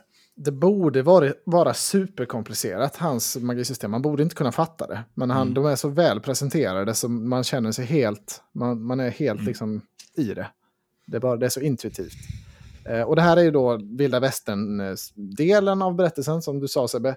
Nästa steg som han har presenterat är att det ska vara, uh, vad säger man, atomkraft-eran ska vara nästa serie av böcker och, och sen i slutändan ska det bli framtiden då, eller en slags rymdversion med samma krafter och samma, samma värld. Ehm, allting som ingår i det här större universumet. Så det, det, är, en, det är en spännande resa att vara med på. Eh, ja, jag kommer läsa alla hans böcker, det, det finns inget tvivel om det. Den här var, hoppa på Mistborn, många fantastiska böcker. Läs allt som Sanderson har skrivit, det är väl mitt Ja. eh, tips. Det är ännu bättre tips. Jag har aldrig läst en bok av honom som jag känt att ja, den här boken var väl okej. Utan alla böcker jag läst har verkligen varit så här, wow. Ja. Fett liksom. Och det spelar ingen roll om man skriver, man har ju skrivit vissa, alltså young adult sci-fi. Um, har han en serie. Den är svinbra. Han har en annan young adult-serie, The Rhythmatist. Helt annorlunda än vad han skrivit annars. Den är svinbra. Allting är ju svinbra. Ja, han är en gud. Och det här är en solklar Navy fem av fem. Seals. Nej, Inte än, men det kommer säkert. kan ju komma ja. Ja, men det är fem av fem från mig. Eh, det var det jag hade. Men det var ändå, jag läste din review på Goodreads, du var ändå lite låg på den kändes det som när man läste den. Jo, men det är för att jag har sådana enorma förväntningar. Mm. Jag, ty- jag, han har ju, alltså jag vet ju hur sjukt det kan bli. Han har ju skrivit så många Mm. Det böcker. är här du måste börja använda hela skalan i betygssättningen för att tänka så att man vet vilken som är den bästa liksom. Ja, men det har jag ju gjort genom att prata om den här nu, tänker jag. Alltså fem av Mm. fem, det är så trubbigt. Alltså en fyra är så långt mycket längre ner än vad en... Mm. Jag har, jag, det är väl en fyra och en halva någonstans där. Men Mm. det, det är för trubbigt system, bara fem. Vi hade ju behövt 1 till 10. Det är ju det som är problemet. Goodreads Ja. har fel Man betygsskala. hade ju kunnat ta 1 till 10 om man använde ettan och tvåan som Anton oftast inte gör. Ja, men det används inte på Goodreads, så det, det kan man inte... Man måste använda det som, som Mm. sidan utgår från. Mm. Eh, nej, men... Eh, ja, mycket bra. Nio av Men- tio. Men det är väl så också. Det finns, sen har ju Sanderson gjort vissa böcker som är väl allmänt känt bättre än andra. Typ nummer två i hans Stormlight Archive, eh, Words of Radiance. Som kanske är den bästa fantasyboken som har skrivits någonsin. Den är ju, den är ju sex. Sex av fem. Så. Men allt han skriver, jag, jag tror aldrig jag har gett honom lägre än, än fem av fem. Och det är kanske lite grann också man tycker om en författare så pass mycket att det spelar liksom ingen roll. Vad han, hade, han skrivit en, liksom en inköpslista så hade jag Som fortfarande liksom gett en Sarah fem av fem. Ja, men Ja. lite, lite så. Jag, jag är liksom motsvarigheten till kåta tonåringar som då har Sarah J. Maas som eh, husgud. Så har jag och Anton då eh, Brandon Ja, Sanderson. Mm. Ja. Eh, Men det är så kul för man är med på den här resan. Alltså, han bygger ju verkligen allt där från grunden. Det, är som, det, är så, Mm. det finns inget an- annat liknande projekt. Det är det som gör det extra kul att vara med. Han är väl den största fantasyförfattaren just nu, Mm. känns det ju som. Eh, Ja. Jo, även jag som inte läser fantasy vet om alla grejerna. Mm. Mm. Så att, sluta lyssna på den här podden och gå och läs Brandon Sanderson. Det är väl min eh, Ja, definitivt. uppmaning. Det säger vi. Eh, ja, ska jag ta min nästa bok då? Tycker jag. Eh, sist så gjorde jag ju mitt bästa för att ta heder och ära av eh, Alex Kylman. Oh, just det. Vad Jag, såg jag, också, jag såg det här på Goodreads också. Det är lite spoiler när man går in där innan avsnittet och ser. Fast du visste ju inte att jag hade läst klart den. För jag la ju upp igår att jag började läsa. Men Du har redan eh, Ja. läst klart den. Wow. Jo. jag, har inte, jag har inte läst klart den, jag har lyssnat klart den faktiskt. Mm. För att förra veckan när vi bestämde att vi skulle köra idag Mm. så, så fick jag liksom ångest för att jag hade, jag hade läst en bok då och den var 120 sidor lång och sen så, så eh, brottas jag då med månadens bok. Men jag måste ändå liksom göra någonting mer och då började jag då lyssna på Bränn alla mina brev av Alex mm. Schulman. Och som jag avslöjade förra gången då så har jag väl inte jättemycket till övers för den icke så goda Alex. Nej, det framgick. Eh, så. Eh, men, men jag tyckte ändå, jag måste ändå ge honom en chans. Och, och, det mm. kan ju vara så, alltså, man behöver ju inte älska författaren för att ändå kunna uppskatta personens böcker. Um, och, så kan och, det vara. Uh, så är det nog delvis här. Jag uppskattar verkligen Bränn alla mina brev. Jag tyckte det var en, en stark historia. Jag kommer, upp, jag kommer återkomma till, jag tyckte inte det var en perfekt historia. Men kort sagt så handlar det egentligen om att eh, Alex Schulman då, han börjar väl märka att hans fru och hans barn är rädda för honom. Eh, han har liksom en ilska inom sig. Som man också, det känns som att det är någonstans liksom sipprat igenom också i hans offentliga persona. Liksom. Han, har, alltså han är en ganska störd person. Eh, nej, eh, jag tar tillbaka det. Uh, nej, men, men han, han, skriver i alla fall själv att han har liksom lite problem med sin ilska. Det börjar någonstans sippra ut och påverka hans familjeliv. Och han, när han då går på terapi så, så liksom börjar han då fundera på var kommer det här ifrån? Och han börjar då Uh, utreda lite grann sin släkt och sina familjeband och, och ser väl ett mönster där då att det här problemen med relationer och sånt kommer, liksom, allting startar då med hans morfar Sven Stolpe. Mm. Och, djup, och uh, gräver då lite djupare i liksom, hans liv och då hans relation med hans mormor då, Karin Stolpe. Och det är det den här boken handlar om egentligen. Han upptäcker då en en del spännande eh, saker, kan man väl säga. Vilket sammanlagt blir en, en väldigt stark historia. Sen så kan jag tycka att det är lite svårt ibland att veta vad är liksom vad är fiktion? Vad är sanning? Vad baserar han på någon form av källmaterial? För han gör ju ändå mycket research. Han läser igenom Sven Stolpes böcker och det finns den här Olof Lagerkrans med pappa till David Lagerkrans, också känd författare som också figurerar i det här. Um, och det ibland tycker jag det var lite svårt att skilja på vad är på riktigt och vad har Alex då hittat på för den här uh, boken. Ja, det, det kan jag köpa, grann. definitivt. Men jag tänker att det, det hör väl till lite också att det inte ska vara helt solklart. Tänker jag, att man, eller man lite får drömma sig iväg i den här. Jag, jag tolkade inte allting som bokstavssant när jag läste det. Nej, men för jag tänkte att det skulle vara det. Alltså okay. för han skriver mm. ändå boken som att, jag har, att han researchar och jag har kommit fram till det här. Mm. Och därför tycker jag det blir lite så här när jag inte riktigt kan veta vad vad vet vi på riktigt och vad är hans teorier eller liksom vad är fiktionen? Så jag tycker det tar ner lite grann. Sen en annan sak också som jag funderar på att det är ganska tydligt att den här liksom, historien, Karin Stolpe då, så hans mormor, det är ganska tydligt att hon ville ju inte att den skulle komma till dagens ljus. Mm. Men det skiter Alex Schulman i. Han bara frontar det för hela, hela världen. Liksom, liksom tvättar hennes smutsiga byk där. eh, inför hela världen. Och det tycker jag kanske är lite så här... Mm, eh, bra historia, men är det rätt att berätta den mot, även om den personen nu är död? Ja, det, kan... det, det tycker jag. Det har inte hon rätt att stoppa en, en god historia. Alltså, det, vem tar skada av det nu? Det är så långt senare. Jag vet, ja, nej, det, det säger kanske, men det var ändå någonting jag funderade kring, att det är lite ja. douchigt ändå. när liksom ändå han säger själv också att ja... Vi förstår att du inte gillar Alex Ebbe, det har framgått. nej, att han är, verkar otroligt osympatisk. Och han, jag tycker inte han framstår så mycket mer sympatisk av den här boken. Däremot så kan han ju skriva böcker, det är en bra bok. Så att det, det ska han ha med sig. Det är inte omöjligt att jag läser någon av hans andra böcker där han eh, tar heder och ära av andra delar av sin familj. Men ehm, eh, vi kommer nog aldrig fira midsommar, Alex och jag. jag nej, nej. nej, det kan vara så. Men det var kul att du gillar den då. Om vi ska hänga oss kvar vid den här trubbiga betygsskalan, vad, vad landar du ungefär då? Har du tänkt ja, men en, en, eh, stabil fyra. Ja, ja det var rimligt. Eh, jag ser att jag har satt en fyra på den också, men jag, i min text har jag skrivit att det är en solklar 9 av 10. Så det, mm. det, återigen där så tyckte jag att det, det, var för trubbigt. Men eh, jag gillar den jättemycket. Väldigt stark mm. bok. Det var en fråga på På spåret idag om Karin Stolpe, eller idag i förra veckan. Jaha. Ja. Mm. Spännande. Mm. Ja, kul Är, Sebbe. är det min tur? Mm. Kan ni gissa vad min sista bok handlar om?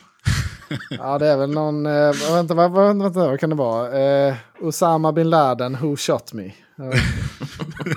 Nej. Eh, Lone Survivor, The Eyewitness Account of Operation Red Wing the, and the Lost Heroes of SEAL Team 10 av Marcus Luttrell. Åh, det var Som- inte av han O'Neill igen nu då? Eller vad hette Nej, han? nej, Nej. alltså du har väl sett filmen Lone Survivor? Jag ja, givetvis. Mm. Har, har du sett den Sebbe? Absolut inte. Åh, det är en av... Åh, herregud vilken bra film. Det är en av mina bästa filmupplevelser. Mm, så då vet du storyn liksom. Ja, Ja, storyn är ju att det är, de jagar ett, en high profile kille i eh, Afghanistan är det va? ja det är Eh, talibaner i alla fall så borde ja. det väl vara. Som är talibanledare typ. Och sen så får de in ett uh, int, eh, infotips då om att eh, hans location. Och sen så är de ett gäng som åker ut då på en helikopter. Och sen blir de ju ambushade då. Och blir ju lämnade och får fightas mot de här talibanerna då. Och under den här, eh, de är fyra stycken. Och när de ska fightas mot de här talibanerna då så eh, offrar sig en av dem. Han fick Medal of Honor då för att han de får inte radiosignal med eh, airstrike, så de kan inte kalla in det. Så han springer liksom ut på fältet för att få clear communications och kallar in air support till de andra. Eh, och blir då ihjälskjuten. Och sen eh, fightas de andra två vidare då. Eh, den här Marcus Luttrell, då, han är en av de här eh, i Navy Sealsen då. Och eh, de andra två killarna blir ihjälskjutna och han blir då ensam kvar. Han blir då the lone survivor. Eh, men han blir skjuten och han bryter nacken och han bryter ben och armar. Så han blir totalt demolerad i princip. Och sen tvingas han ju då fly trots sina skador då från de här övriga talibanerna och eh, lyckas då skjuta iväg sig eh, därifrån och eh, blir upplockad av en eh, man då, en lokal, eh, en lokal snubbe som har sett detta då. Och, Nu drar du hela storyn här, men det är... Ja, Ja, film, man, nej, men det är inte så noga med storyn. För storheten med filmen är ju att det är så otroligt mycket testosteron och adrenalin. Och liksom Mm. Men det är inte storheten med boken kan jag säga. Nej, nej kul. Eh, och sen så blir han då ivägplockad härifrån och sen så är det då hans återgivning av den här händelsen och vad som hände med honom. För att han eh, får ju då överleva själv medan de andra Navy Seals då, där bland annat Rob O'Neill är med då i det här rescue-teamet som åker ut för att rädda honom och se om, om de kan hitta honom. För att eh, de får in ett eh, tips från en eh, source med hans eh, typ eh, personnummer bara. Typ så, ja. Vi har en kille här i, som är skadad och så säger de typ så, ja hur ska vi kunna veta det? Och då har de tittat på hans sån dogtag och så har de sett hans nummer, så de rapporterar in det. Så de är typ så, ja men då, kan det här vara en fälla eller är det, ska vi gå ut och rädda honom? Så att de ger sig ut och får rädda honom. Eh, och eh, det är lite spoiler med titeln kanske, Lone Survivor. Eh, men det är, han lever ju för att återberätta den här berättelsen. Och eh, ger ju sin bild av detta. Eh, sen som då blev såld till film och som har gjorts som film också. Men eh, när man börjar granska den här boken lite så inser man ju väldigt snabbt att det är mycket saker här som är påhittade. Det är mycket saker som inte riktigt stämmer. Eh, och han här, eh, Marcus Luttrell, han verkar vara lite av en sköjare. Eh, Okej. Han, eh, bland annat då så, eh, när de hittade honom så hade han då alla sin ammunition intakt. Och i hans berättelse då så har han skjutit sig loss från eh, alla de här talibanerna då. Och i hans återgivna berättelse så är det då 80 till 200 talibaner som stormar dem. Eh, och de ögonvittnar, bland annat han som har plockat upp honom då, säger att de var runt 10 stycken. I Eh, filmen är det nog 800 till 1000. Ska jag Ja. Eh, jo, och det, det verkar som i de dokumenten som finns och de som har återgett berättelser. Och talibanerna har ju också filmat själva för att de släppte ju en film sen när de sköt mot dem. Och då, då kan man inte se mer än sex personer i den filmen. Så att eh, lite mer fiction där än vad det är riktigt. Och han lägger väldigt mycket vikt på sig själv och hur duktig han har varit och sånt också. Så att den var inte lika bra. Den. Nej. Eh, nej, mer, nej. mer filmen som är lite mer Hollywood. Eh, ja, de har ju gjort det till en... Based on a true story, kan man säga så? det kan man säga. Ja. Det, kan, Ja. det kan man alltid säga. Den verkar, verkar vara lite, om man går in på Goodreads så verkar han vara lite kontroversiell rent politiskt också. Jag vet Ja. inte om det är så att han är väldigt... Får man gissa att han är väldigt republikansk? Ja. I, Det kan ja. man ju säga. Eh, Absolut. Och det är ju typ, alltså alla de här eh, är ju typ republikaner, eh, tar de upp i sina böcker. Men han problematiserar ju det inte överhuvudtaget. Det gör ju eh, de andra två. För att de säger ju det liksom att det här är ju en extremt stor vinst för Obama. Eh, alltså med bin Laden-raiden då. Och att typ så, eh, de säger så typ, we possibly just re-elected Obama for another term. Eh, Mm. Och att de inte var fans av Obama då och hans eh, military tactics, men att de respekterade honom som sin chief commander och att det var eh, liksom inte för hans skull, eller de ville inte vara politiska, utan de var mer liksom att vi gör detta eh, för vårt land och patri patrioter. Men Luttrell är lite mer av en så här, uh, han skulle kunna passa bra in på någon sån här uh, podcast och sitta och snacka med alltså så här Trump. Uh, Vilka snabba takes. Mycket Joe snabbt. Rogan. Hot Ja, men Joe Rogan brukar ändå blanda lite. Alltså jag tänker, det finns ju sådana andra, vad heter Alex Jones, finns det väl någon podcast Ja. som heter. Men han, där skulle han passa perfekt in. Eller så, jag vet inte, har ni sett Homeland? Serien ja. Mm. Jajamän. För I en av säsongerna i Homeland så är det ju en sån kille som har gått rogue som typ åker runt och eh, han typ så gömmer sig för staten för att han har massa hot takes. Eh, ja. Exakt så tänker jag mig att han är. att han skulle kunna vara sån som är, han är för att man ska störta liksom. eh, Har han en sån eh, Faraday cage, sån där bur hemma som inte kan komma igenom någon uh, radiostrålning? Och sånt. Säkert, säkert. såna Ja. ja, men han känns lite så. Eh, så att, eh, ja. ja. ja, men kul ändå. Men inte så stor, stark rekommendation på den då. Men, Nej. nej. Vad han, eh, nämndes han O'Neill någonting? Nej. Hade han någon, Alltså, nej. de, de, de heter ju andra saker för att när de här böckerna kom Ja, ut så var de ju inte kända. Så att eh, jag försökte hela tiden lista ut vem som var... Eh, för att när jag läste O'Neills bok först så pratade han, då nämner han ju Luttrell. Han pratar ju mycket om Luttrell för att eh, då var det ju känt. För att jag tror att det hände 2006 eller 2007. Eh, och den, i och med att han överlevde och fick eh, massa sådana medaljer och, och inte kunde vara vidare kvar i militären så blev han ju en offentlig person. Så att eh, där nämns han ju i O'Neills bok. Men sen i Luttrells bok så nämns ju inte O'Neill. Eh, och i eh, No Easy Day med Mark Owen så nämns ju inte heller eh, eh, han. Så att, men de, de heter ju andra saker. Så jag, och samma sak i Zero Dark 30. För i Zero Dark 30 så het, är ju de olika. Jag försökte, vem är det som är vem av dem liksom? Eh, Ja, som ja, ska ändå. personifiera dem. Men han säger i, eller i alla fall i, eh, i en sak som avslöjar honom, det som jag tog det på. Det är att i Mark Owens bok då så säger han att det var en kille i SEAL-teamet som var eh, rödhårig. Eh, för att de satt och diskuterade när de skulle göra bin Laden-raidet, att om de filmar detta någon gång, så vem ska de ha som skådis? Och då hade alla sagt typ så, ja, vi vet ju vem som kommer spela dig, Mhm, för att du är rödhårig, så det blir Carrot Top. Och Rob O'Neill är ju väldigt rödhårig, så det är ju lite en eh, sån, that gave it away. Ja, okej. Mm.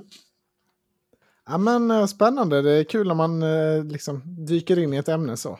Ja, tydliga teman från Ja. vi- vissa håll i alla fall. Mm. Eh, Är du, har du rivit av båda dina Sebbe? Eller är du, har du en Nej, jag är klar. Ja, men då, är det väl, då ska väl du presentera nästa månads bok då Sebbe? Äntligen Ja. rätt! Äntligen rätt. Jag, jag fick tänka till rejält. Få till det. Eh, ja, men det är bra. Eh, och sagt, jag tänkte jag har valt den här Tomorrow and Tomorrow and Tomorrow, men fick inte det. Ja. Och då har jag fått eh, gräva Jävla djupt. Nobelprisförfattarna. Ja, men jag har grävt djupt Usch, bland mina eh, böcker. Så tänkte jag, så här, ska jag ta någonting, någon liksom Nobelprisförfattare eller något så här jobbigt? Och så tänkte jag, Mm. nej, det är ändå jul, då ska man vara snäll. Jag hade hoppats Åh. lite på det. Ehm, så det blir, två. det, och då tänkte jag, jag ska inte ta något så här jättejobbigt. Ehm, och sen tänkte jag, ska jag ta någon fantasy? Ja, det hade kanske varit lite kul för Antons skull och sådär. Samtidigt vill man inte bara ta någon, man vill inte bara ta en crowd pleaser heller. Ehm, nej, nej, okej. och då så gick jag igenom min då lista av böcker som jag har satt på eh, Want to Read. Mm. Och hittade faktiskt en bok som jag gärna hade velat läsa. Och det är en fantasybok. Ah. Men nej, det är science fiction. Är det. Oh, du Ehm, hatar ju science fiction. Spännande. Ja, men det är en science fiction som då är skriven av en kvinna som heter Octavia E. Butler. Ah, I Eh, mm. Och hon Den här är tänkte ju... jag välja nästa gång. när Jag skulle välja. Är det Om sant? det- ja, sjukt nog. Eh, och det- här, hon är då en, eller var, en afroamerikansk författare från USA. Som har skrivit eh, en hel del otroligt hypade böcker. Eh, det är sci-fi men ligger liksom på gränsen till sci-fi. Ofta mycket av böckerna hon skriver. Och jag har läst en av dem som heter Parable of the Sower. Som är lite grann som typ The Road. Om ni har läst eller sett den. Nej, inte den utan Nej, den heter väl On, the, the Road. road. Ja, just det. Ja. Mm. The Road är den som eh, Viggo Mortensen har gjort på film. Du vet, de går runt. Det är alltså postapokalyptisk film och det är otroligt mycket misär och sådär. Mm, jag har inte läst, jag har bara läst den andra On the Road. Ja, um, men boken då jag tänker vi ska läsa, den heter Kindred. Yes. Var det ja, den du nice tänkte val. välja? Ja, Anton? den har jag på min ja. lista här faktiskt. Eh, det har kommit en tv-serie nu precis, så den är Jaha. väldigt aktuell. Mm. Okej, okay. och, och Kindred, om man då kollar på Goodreads så beskriver de den som en kombination av slavmemoar, fantasy och historisk fiction. Mm. Um, som då dessutom är skriven då av en mörkhyad kvinnlig författare. Så jag tycker det är väl... Det checkar i många boxar. Och dessutom, det jag har läst av henne har jag tyckt varit svinbra. Och den är skriven 1979. Eh, men då den här andra boken jag läste av henne, den kändes inte alls som det. Utan det är nästan en klassiker får man säga då, givet dess ålder. Men det kändes väldigt, eh, väldigt aktuell och väldigt så skriven som det hade kunnat vara skrivet för två år sedan. Så mm. jag var väldigt imponerad av eh, förra boken jag läste. Så att den Väldigt här bra val. Det ser jag fram emot att läsa och hoppas att ni också gör det. Mm, jag försöker hitta vad man kan få tag på den. Den är ju dessutom då bara 287 mm. sidor lång. Ja. Eh. ja, det har jag noterat också. ja, men jättekul. Den, den eh, ska bli ett nöje att läsa den. Det, det, det är både liksom bra för ens bildning på något sätt. Mm. Och potentiellt då en rolig bok kan man hoppas. Mm. Ja. Och, eh, jag kan bara, om man ska försöka sälja in den ännu mer då, ifall det är någon läsare här som funderar på om man ska läsa den, så handlar det egentligen om, som jag har förstått det, så är det, det är någon form av tidsresenär historia då, där eh, kvinnan, huvudpersonen, hon skickas tillbaka i tiden och räddar då en, en, ehm, en vit man där. Och sen så, eh, i och med att hon är svart då på ett ställe där det inte var så bra att vara svart under en viss tid så hamnar de då i problem. Och sen så är det liksom hoppa fram då mellan, mellan framtid och, och dåtid. Och på så sätt som jag förstår får man då uppleva den här eh, tiden helt enkelt med slaveri. Men, eh, men ändå sätter någon form av modernt perspektiv. Mm. Ja, det är väldigt light fantasy tror jag. Det är väl lite så outlander-style. Att det är lite time travel men inte så mycket mer. Ja men exakt. Och, och det är väl lite det känslan, den boken jag läst med henne tidigare. Att hon, hon hamnar ofta på sci-fi. Men egentligen så känns det mer som vanlig drama liksom. Men så har man då, ja men som en portal, eh, kan man säga portal fantasy. Så egentligen det mm. enda fantasy-elementet det är då att man går tillbaka i tiden. Mm. Och i övrigt så är det kanske inte så mycket mer fantasy. Så att även om man då kanske inte tycker att fantasy eller sci-fi är de mest kittlande genrerna så kanske man kan då tolerans för Mm. Ja, jag tycker det låter som en spännande. Även om jag inte är jätteinsatt i sci-fi fantasy så tycker jag det låter som en en intressant bok. Ja, mm. låt oss hoppas. Men eh, vi måste hinna riva av eh, En gentleman i Moskva också. Mm. Ja, vi pratade ju om Navy Seals en halvtimme här, så ja. tiden har ju... oh ja, det var... iväg. Om ni är sugna på mer Navy Seals så, så lägg in det på Facebook så läser jag dem. ja, det är bra. Mm. Är det någon som har preppat en eh, summering ja. eller en... Ja, go. Jag tänkte att det var mitt jobb. Det stämmer. Eh, ja, den här boken nu blir det ju lite så här för er som lyssnar, det blir lite spoilers, bara så ni är medvetna. Eh, den här boken då, den handlar om eh, en, eh, det beror på om man läser på svenska eller engelska, men greve Alexander Rostov, eller Count Alexander Rostov, som tillhör den ryska aristokratin, eh, född i slutet på 1800-talet. Och eh, sen när ryska revolutionen kom så blev han dömd till husarrest efter revolutionen i Ryssland 1917. Eh, och han blev skonad från att bli dömd till döden då på grund av en dikt och satt i husarrest istället. Och då hamnar han på ett hotell, så att han har sin husarrest på ett hotell då. Eh, I Moskva. Och där får man sen följa den här grevens liv och personliga utveckling under en period på ungefär 30 år framåt. Där olika händelser i samhället påverkar honom. Och eh, han påverkas då i den lilla historien av den stora historien. Trots att han inte kan lämna hotellet kan man säga. Har jag fått Mm. med det viktigaste? Ja, det var väl en otroligt bra sammanfattning, Mm. tycker jag. Ja, det tycker jag. Väldigt spännande premiss. Eh, Jag, jag gick igång direkt på den här boken när jag började läsa den. Mm. Det kändes som att ja, det här kan bli spännande. Mm. Det var lite därför jag valde den också. Jag gillar ju den här typen, alltså när man får in då verklighetsbaserade element och den verkliga historien. Eh, så är det ju i eh, Utvandrarna, Mina drömmars stad och ja, alla de här böckerna som, som jag gillar, de här långa eh, serierna. Och det här är då liksom historia kopplat då till eh, en påhittad person, där man då får de här personliga elementen och där den här personen blir påverkad av, av riktiga händelser. Eh, Ja, det är inte ointressanta år i Rysslands historia där. absolut mellan, inte. eh, Eh, Från 20-talet och framåt. Nej, men precis. Och det är ju lite, jag gillar, jag har ju läst några av de ryska författarna, jag gillar dem, deras stil, du är inte den ryska författaren, men jag gillar den här settingen ändå som finns där. Det är mycket spännande saker som händer i samhället och det är mycket li, liksom annorlunda från västvärlden ändå på ett sätt. Eh, men ändå ganska nära västvärlden också. Och det, det, liksom, det märker man i boken också att han är ju intresserad av västvärlden och västvärlden kommer ju på tal flera gånger och utvecklingen samtidigt då som ryssarna har då en, en egen filosofi och en egen eh, vision framåt i tiden på den här tiden. Eh, och, eh, och jag läste det lite fun fact bara att han eh, som har skrivit boken då han sa att det finns ju en ganska stor tradition i Ryssland att, att man dömde folk till just husarrest. Att man, det var liksom ett sånt straff som var ganska vanligt. Och han kom på idén då när han bodde i Genève på ett hotell där det var väldigt många gäster som bodde där permanent på hotellet och som levde sina liv där som, som gäster men också hade sina fasta rum. Eh, och sen kopplade han den då till Ryssland som han då tyckte var intressant och hade gjort mycket research på. Vad tyckte ni? Mm.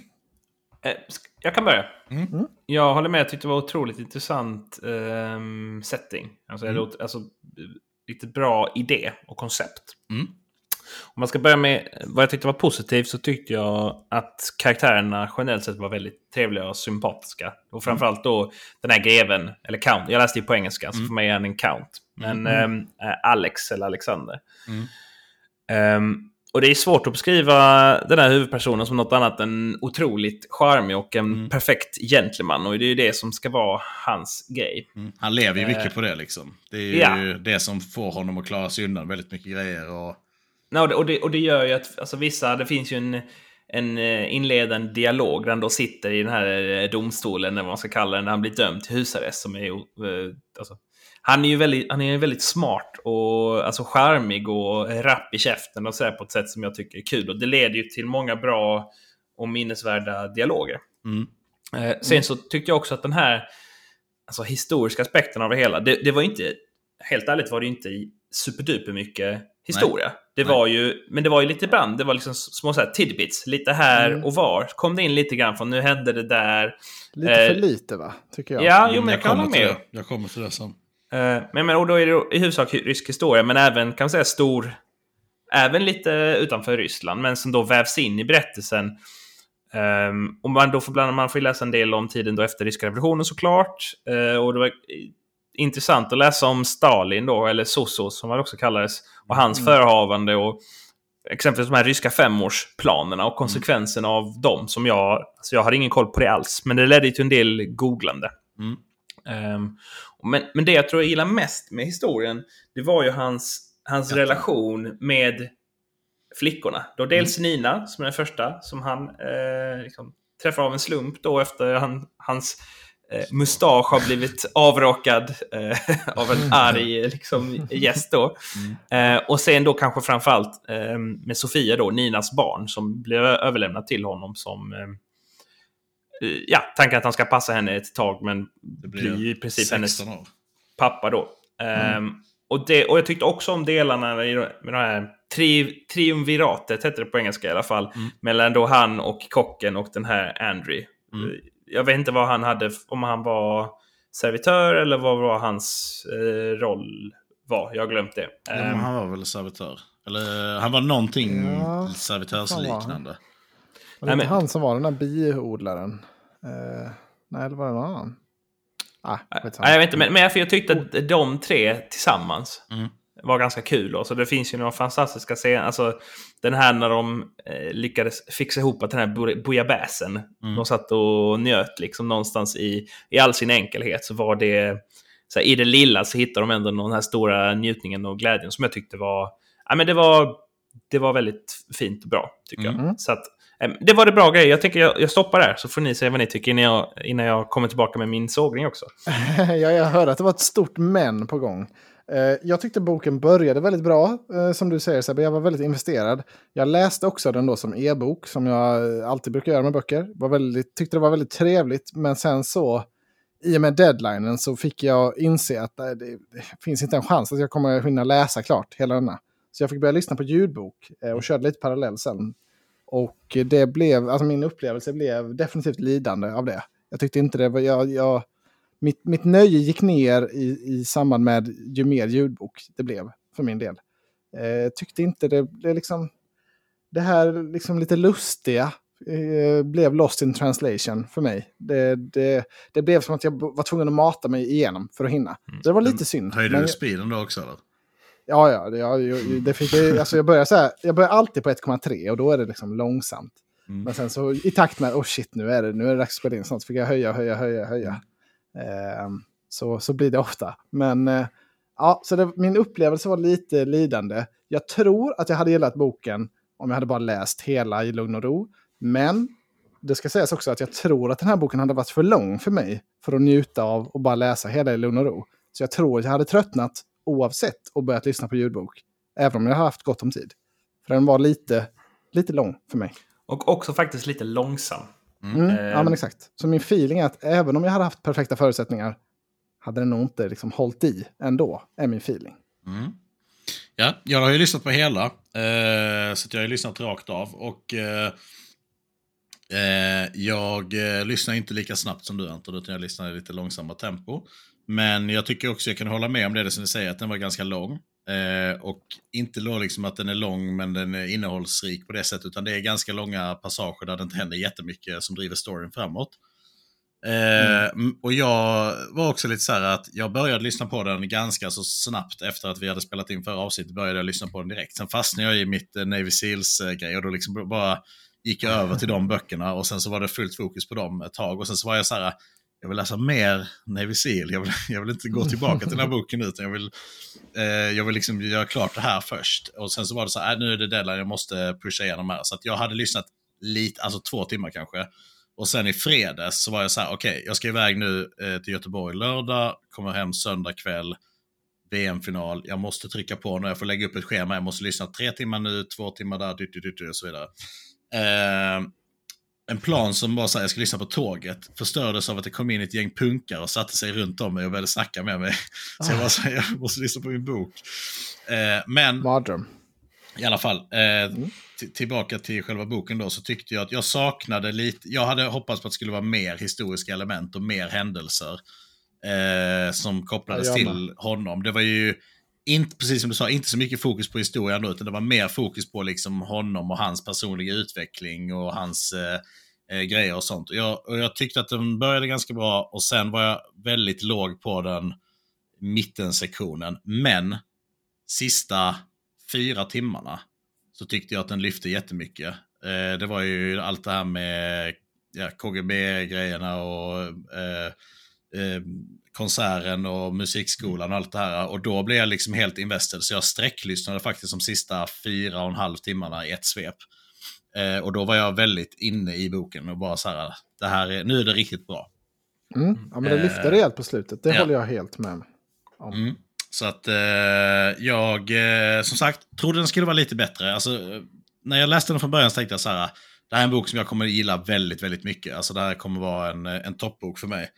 Eh, men den var, mittenpassagen var lite för lång och drog ner stämningen för den. Och jag hade önskat att de kunde tajta till det lite mer och att de kunde koppla, eller koppla in de mer historiska händelser.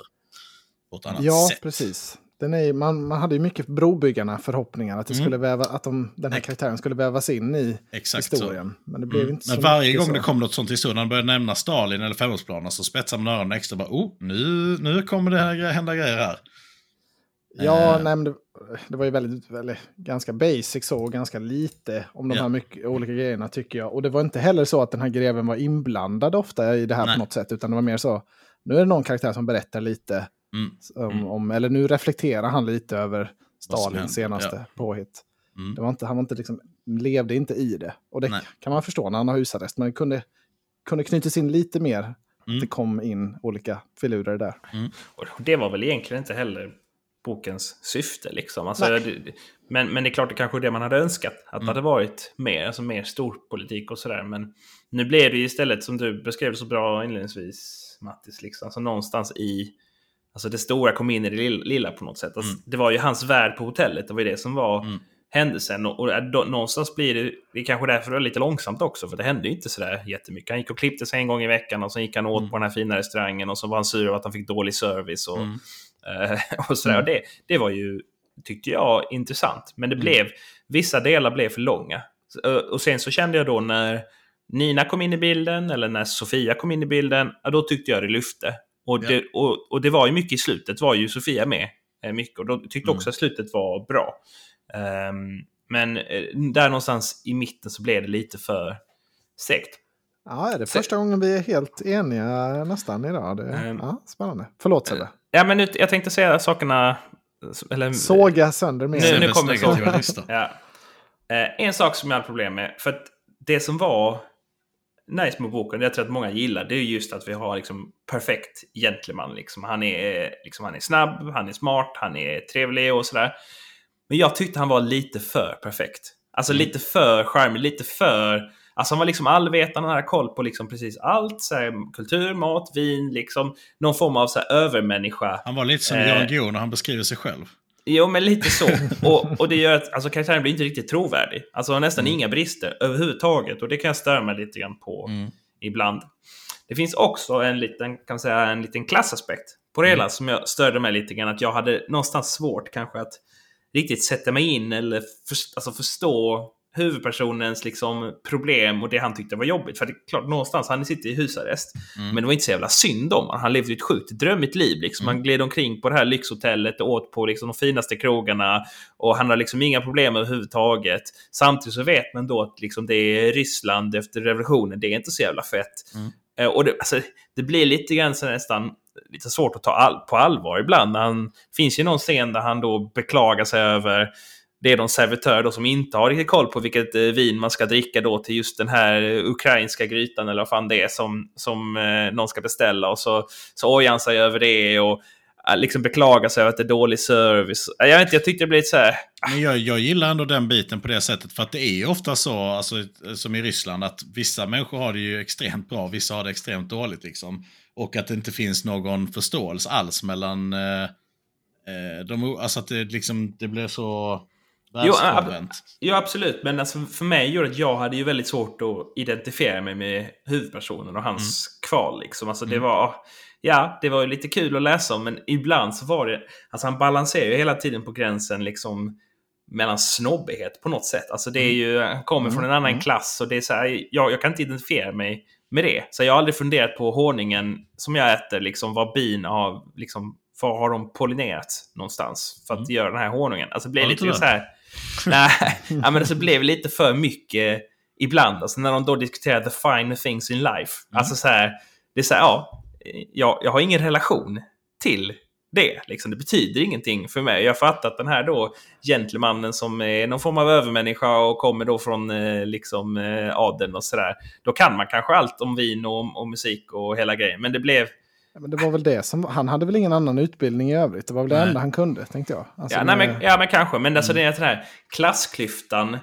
Mm. jag, det var lite svårt för mig att överbrygga det och på, och på så sätt någonstans känna med den här karaktären. Liksom. Att, så här, Mm. att Nästan jag tyckte lite så här, ja, stackars dig som behöver bo på lyxhotell. Och äta, alltså så här, det var ju trist. Och sen så då till slut när han bestämde för att han skulle dra. Mm. Det tyckte jag också att det kom lite abrupt. För han Mm. verkar ändå ha det ganska bra där. Sen helt plötsligt bara, nej nu ska vi, nu ska vi sticka. Mm. Eh, och Jag tolkar det som Ja. att det var mycket för att skydda henne. Men för, Eh, skydda, henne, skydda henne från vad? Från att bo ett, liksom ett kont... Ja, alltså jag fattar det, det är väl inte en Mm. drömmen att bo. Men det är ändå så här... Men de var ju på honom ändå. De det ville tyckte ju, jag inte var konstigt. Nej, Nej. men de ville ju skicka iväg henne till, eh, vad var det de skulle skicka henne först?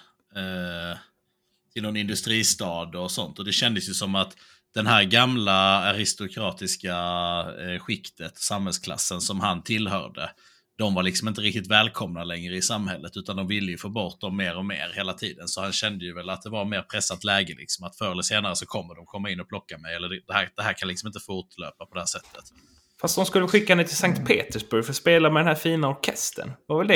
Nej, det var Men inte vill- Sankt Petersburg. Nej, det var någon, Det var- alltså, det, det var någon liten skitstad Ja. var det. Jaha, okej. det uppfattar inte jag. Jag det- uppfattar Sankt Petersburg. Nej, för, han var ju väldigt mån om att det skulle vara en fin stad, att det skulle vara bra och sånt. Och sen så var det ju liksom lite så här evil genius bakom han som kom liksom att nej, nej, vi ska skicka henne till en industristad där inte kultur finns på det sättet som du vill. För att Ja, liksom... men det var väl han servitören som kom med det förslag, eller liksom som hade rott ihop, han ondingen i berättelsen. Ja, precis. Eh, och, och, Jo, jo, jo men det var kanske... Men, men ett tag så var det ju... Hon fick ju ett erbjudande. Eller kanske var det att åka till Paris. Hon fick ju ett erbjudande som hon tackade nej till. Så man fick övertyga henne att hon ändå skulle göra det. Men det Ja. kanske var det när han skulle åka till Paris och spela. ja, men det var ju ett Mm. innan dess, för de kom ju från Mm. en sån, nu har de bestämt att hon ska åka till den här staden och sånt. Och då fick han ju hjälp av hon, eh, Anna. Anna som sa att hon kände mm, kulturministern och hela det köret för att de skulle slippa det. Men han märkte ju hela tiden att, de var på, att han då, den onda, var på honom och försökte ju sabba för honom och gillar ju inte Mm. honom. Så att eh, jag, jag tänkte mig liksom att det blir ju utvägen att skicka iväg henne så att hon får fly och komma därifrån. Och då kommer de ju gå på honom och försöka pressa honom och sånt och då drar han också. Så han såg ju till att Mm. hon kunde fly och sen stack han också för att skydda, skydda familjen. Liksom. Eller, Ja, och det, jag och det är tyckte väl... det var ett väldigt rimligt slut. Eller jag var helt med på den mm. resan där. Nej, men det är kanske, jag, jag uppfattar nog inte att det var den aspekten jag inte riktigt uppfattade. Jag tänkte bara att inte hon ville åka iväg för att hon ville vara kvar med honom. Men, men, Mm. men så, så var det. Jag kanske missade den eh, nyansen. Men, men oavsett, så jag, jag tyckte det, det var liksom en ganska alltså, lång bok. Mm. Där det liksom inte hände så himla mycket. Och sen så Mm. hände väldigt mycket helt plötsligt i slutet när det blev alltså, en annan typ av bok. Kändes Mm. som. Att det, Jo, men det, lite som så. Att det bytte genre de sista 80 sidorna och blev mer av liksom någon form av krim nästan. Mm. Ja, då blev det spännande. Mm. Ja, nej, jag hade velat ta lite mer som motgångar i början också. Eh, det som kom i slutet, att man spred ut det, Mm. eller la in det lite tidigare också. För att det var ju, det var ju väldigt mycket så som du säger, de små sakerna i livet. Och det var eh, när han började med, hålla på med sina viner och det var allt möjligt sånt eh, i mitten av boken. När man kände så här, nu händer det inte jättemycket i boken. Nu står det rätt så mycket still. Han äter på någon restaurang, det kommer någon gäst som inte är jättebetydelsefull och sånt. Eh, sen har jag lagt in några sådana författarens notes på vissa ställen också som var Det var kul. lite Ja, det spännande. var ett kul grepp, Mm. tyckte jag också. Mm. Men eh, ganska eniga känns det som då. Hur många stjärnor ger ni då? Ja. Fyra. Ah, tre, någonstans mellan tre och fyra kanske, men en trea, 3, komma någonting Mm. är jag på. Ja, jag är nog också där faktiskt. Den var lite... Lite för... Eh, den var inte tillräckligt rolig för att liksom, eh, det skulle vara rimligt att vara så lång som den var. Den var lite för Nej. lång för sitt eget, eget bästa. Jag tycker samtidigt man kan se varför den är hyllad och uppskattad och sådär. Det, det, det är inte orimligt tycker jag. Men, eh, ja, Men- inte riktigt vad jag hade hoppats utifrån hur inledningen var. Nej. Men jag tror man måste, man måste nog gilla lite långsammare litteratur. Och så litteratur som bygger liksom mycket på... Alltså, det är väldigt deskriptiv liksom. Oh ja. Väldigt Finare mycket litteratur. dialog och, och sådär. Ehm, Mm. inte, Kanske inte, inte så handlingsdriven. Som väl böcker som jag brukar gilla ofta är. Mm. Nej. Om man ska spoila väldigt mycket, vad tyckte ni om liksom det allra sista slutet? Eller han, grevens, var han, var han hamnade där, eh, det allra sista? Eller vad? Alltså, att han hamnar där i... Där hans tidigare gods hade legat, eller residens. ja, ja, precis. Det var. Nej, alltså jag hade väl kanske vetat att han skulle återförenas med Sofia. Men han, han återförenas väl med hon, med hon Anna. Förstår jag det som. Nej, Willow, Willowy Figure heter det. Skrev de på engelska i alla fall. Jag förstår som han, han um, återförenas med den här skådespelerskan i liksom den staden eller byn, man ska säga, där han kom från ursprungligen. Mm. Det var väl kanske om man är på flykt från ehm, jag tänker om man är på flykt från eh, myndigheterna så kanske det är dumt att gå till det första stället som man har letat på.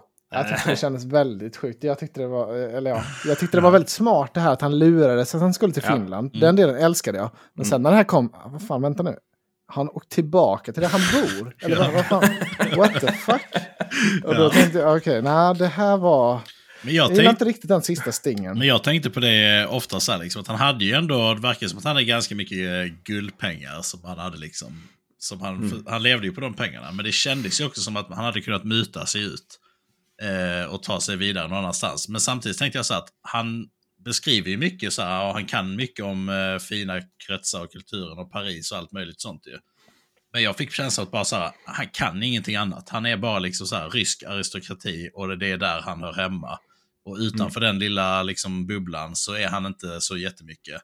Eh, Och Mm. därför så väljer han att stanna dels på hotellet och inte mutas ut eller försöka sticka därifrån. Utan han finner sig och är ganska nöjd med livet där och klagar Mm. på småsakerna.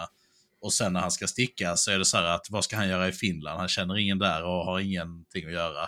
Utan Mm. det är liksom där han hör hemma. Så att han luras dit. Och de beskrev det som att de trodde att han åkte dit också. Mm. Eh, Ja, men hela den biten. Det var men att han ändå liksom stannade där han hörde hemma. Eh, Mm. På det sättet. Men eh, hur tror ni? Ja. Ja. Nej, jag förutsatte att han på något sätt skulle försöka ta sig till... Jag tänkte att de skulle återförenas i Paris, att han också tog sig dit på något sätt. Och det kanske kommer... Det, kan, det gör han säkert också, men jag tänkte att de skulle båda få... Två skulle få asyl och åka till, till USA. Mm. Ehm, men, Mm, åt det hållet tänkte jag också, definitivt. men precis som du är inne på Mattis, alltså någonstans, ja, det han kan det är ju vara rysk adel liksom. Och det Mm. har man väl inte så mycket nytta av på, i stora delar av världen. Mm. Ehm, Ja, men det, var, det, var ett, eh, det var ett bra val, Mattias. Jag har varit sugen på att läsa den här boken. Det var, Mm. Den var lite lång bara, känns det som att vi alla kan enas om. Mm. Hur, eh, vad tror ni om serien då? Oh, är det på gång? Eller? Ja, det ska ju komma en serie, det sa vi förra avsnittet också, med uh, Ewan McGregor va, som mm. Ja, ska spela det. honom. Eh, så eh, det är väl nästa år tror jag den kommer eller något sånt. Men jag tänker mig... Ja. Mm. Känns Ja, det- inte kan- jättelätt att få till, men... Eh, Jo, men det blir Ja. väl lite så kostymdramaktigt. Eh, lite de här olika roliga händelserna och att han berättar som någon narrator. Eh, Mm. Och att han går runt och är charmig liksom. Att man eh, bara får följa honom i hans vardagsliv typ. ja, men vad är liksom den... Det måste ju finnas någonting som driver plotten lite mer i en serie, tänker jag. Men de kanske får hitta på något. Någonting mer. Ja, nej, men det ska bli, bli kul att se. Det känns som ett väldigt bra val med Ewan McGregor. Mm. Jag, tänk, jag tänker att det är så att det kanske inte blir så jättemånga avsnitt. Det blir att de har ett avsnitt liksom som etablerar hela grejen när han hamnar i husarrest och man får lära känna hotellet. Sen har liksom ett avsnitt kanske eller två med hans skojerier med Nina. Och sen så tänker jag att resten av avsnitten handlar liksom om när han eh, uppfostrar den här Anna. Och sen liksom hur det då leder till flykten. Och flykten lär ju liksom Mm. vara... De får Mm, nog spela upp den aspekten, ja, att han är... Det är någon risk för dem att vara Ja. kvar. Mm. Eller att, Ja, det står att det ska vara en miniserie så det blir väl fyra avsnitt eller något sånt. Ja, ja men det känns väl rimligt. Mm. Ja, det får vi kolla på. Ja, men Mm. absolut. Ja. Jag bara en fråga. Ehm, när vi nu pratar om tv-serier och filmer. Har ni sett Bränn alla mina brev-filmen? För den har väl kommit ut? Nej, Inte sett. Har den den har ut? gått på bio, ja. Eh, Men eh, jag vet inte om den kommit på eh, DVD och sådär. Men är det på någon streamingtjänst tror jag inte. Du Men- brukar köra DVD mycket. Ja, jag, missade den på, jag missade den på bio, tyvärr. Det är sjukt att Eh, inte du har sett den Anton. Men okej. Ja, den, Nej, men, den, den hade ju premiär när jag åkte på bröllopsresa. Så det, Ah, annars okej. hade det nog funnits en chans. Men vi missade lite premiärhelgen och, och veckorna där. Och sen så... Nu väntar vi in via Play eller Simon eller vad det blir. Ja, det är det. Ja. VHS kanske. ja. Ja. Ja, men, eh, men då så. Vi får väl se mm, när vi hörs härnäst. Det kommer väl bli i början på nästa år. Eh, Mm. Så jag får väl önska er båda två god jul och gott nytt år och detsamma till våra kära lyssnare. Mm. Absolut. ja, verkligen. God jul! God jul. Ja, alltså- Gott nytt år. Så hörs vi väl på vår Facebook-sida för heta debatter om Alex Schulman och ryska aristokrater. Och framförallt om Navy Seals. Navy Seals. Det gör vi. Tack för idag. Lägg upp era bästa coffee dance också så Sebbe får se vad det är. Just det. ja. ja, det måste vi länka till dig. Ja. Perfekt. Då säger vi så. Ja, Ha det gott. det. Ha det!